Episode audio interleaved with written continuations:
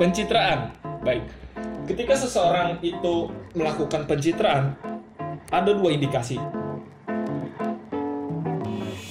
Satu, apa yang ia sampaikan adalah benar, dan dua, apa yang ia sampaikan adalah sebuah kedustaan.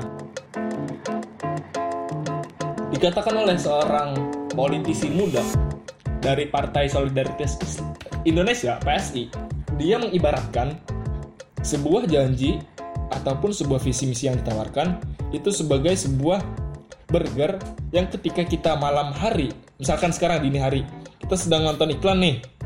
Lihat ada iklan burger tebel, rotinya tebel. Kemudian dagingnya empuk. Kemudian sausnya mantap. Top pokoknya.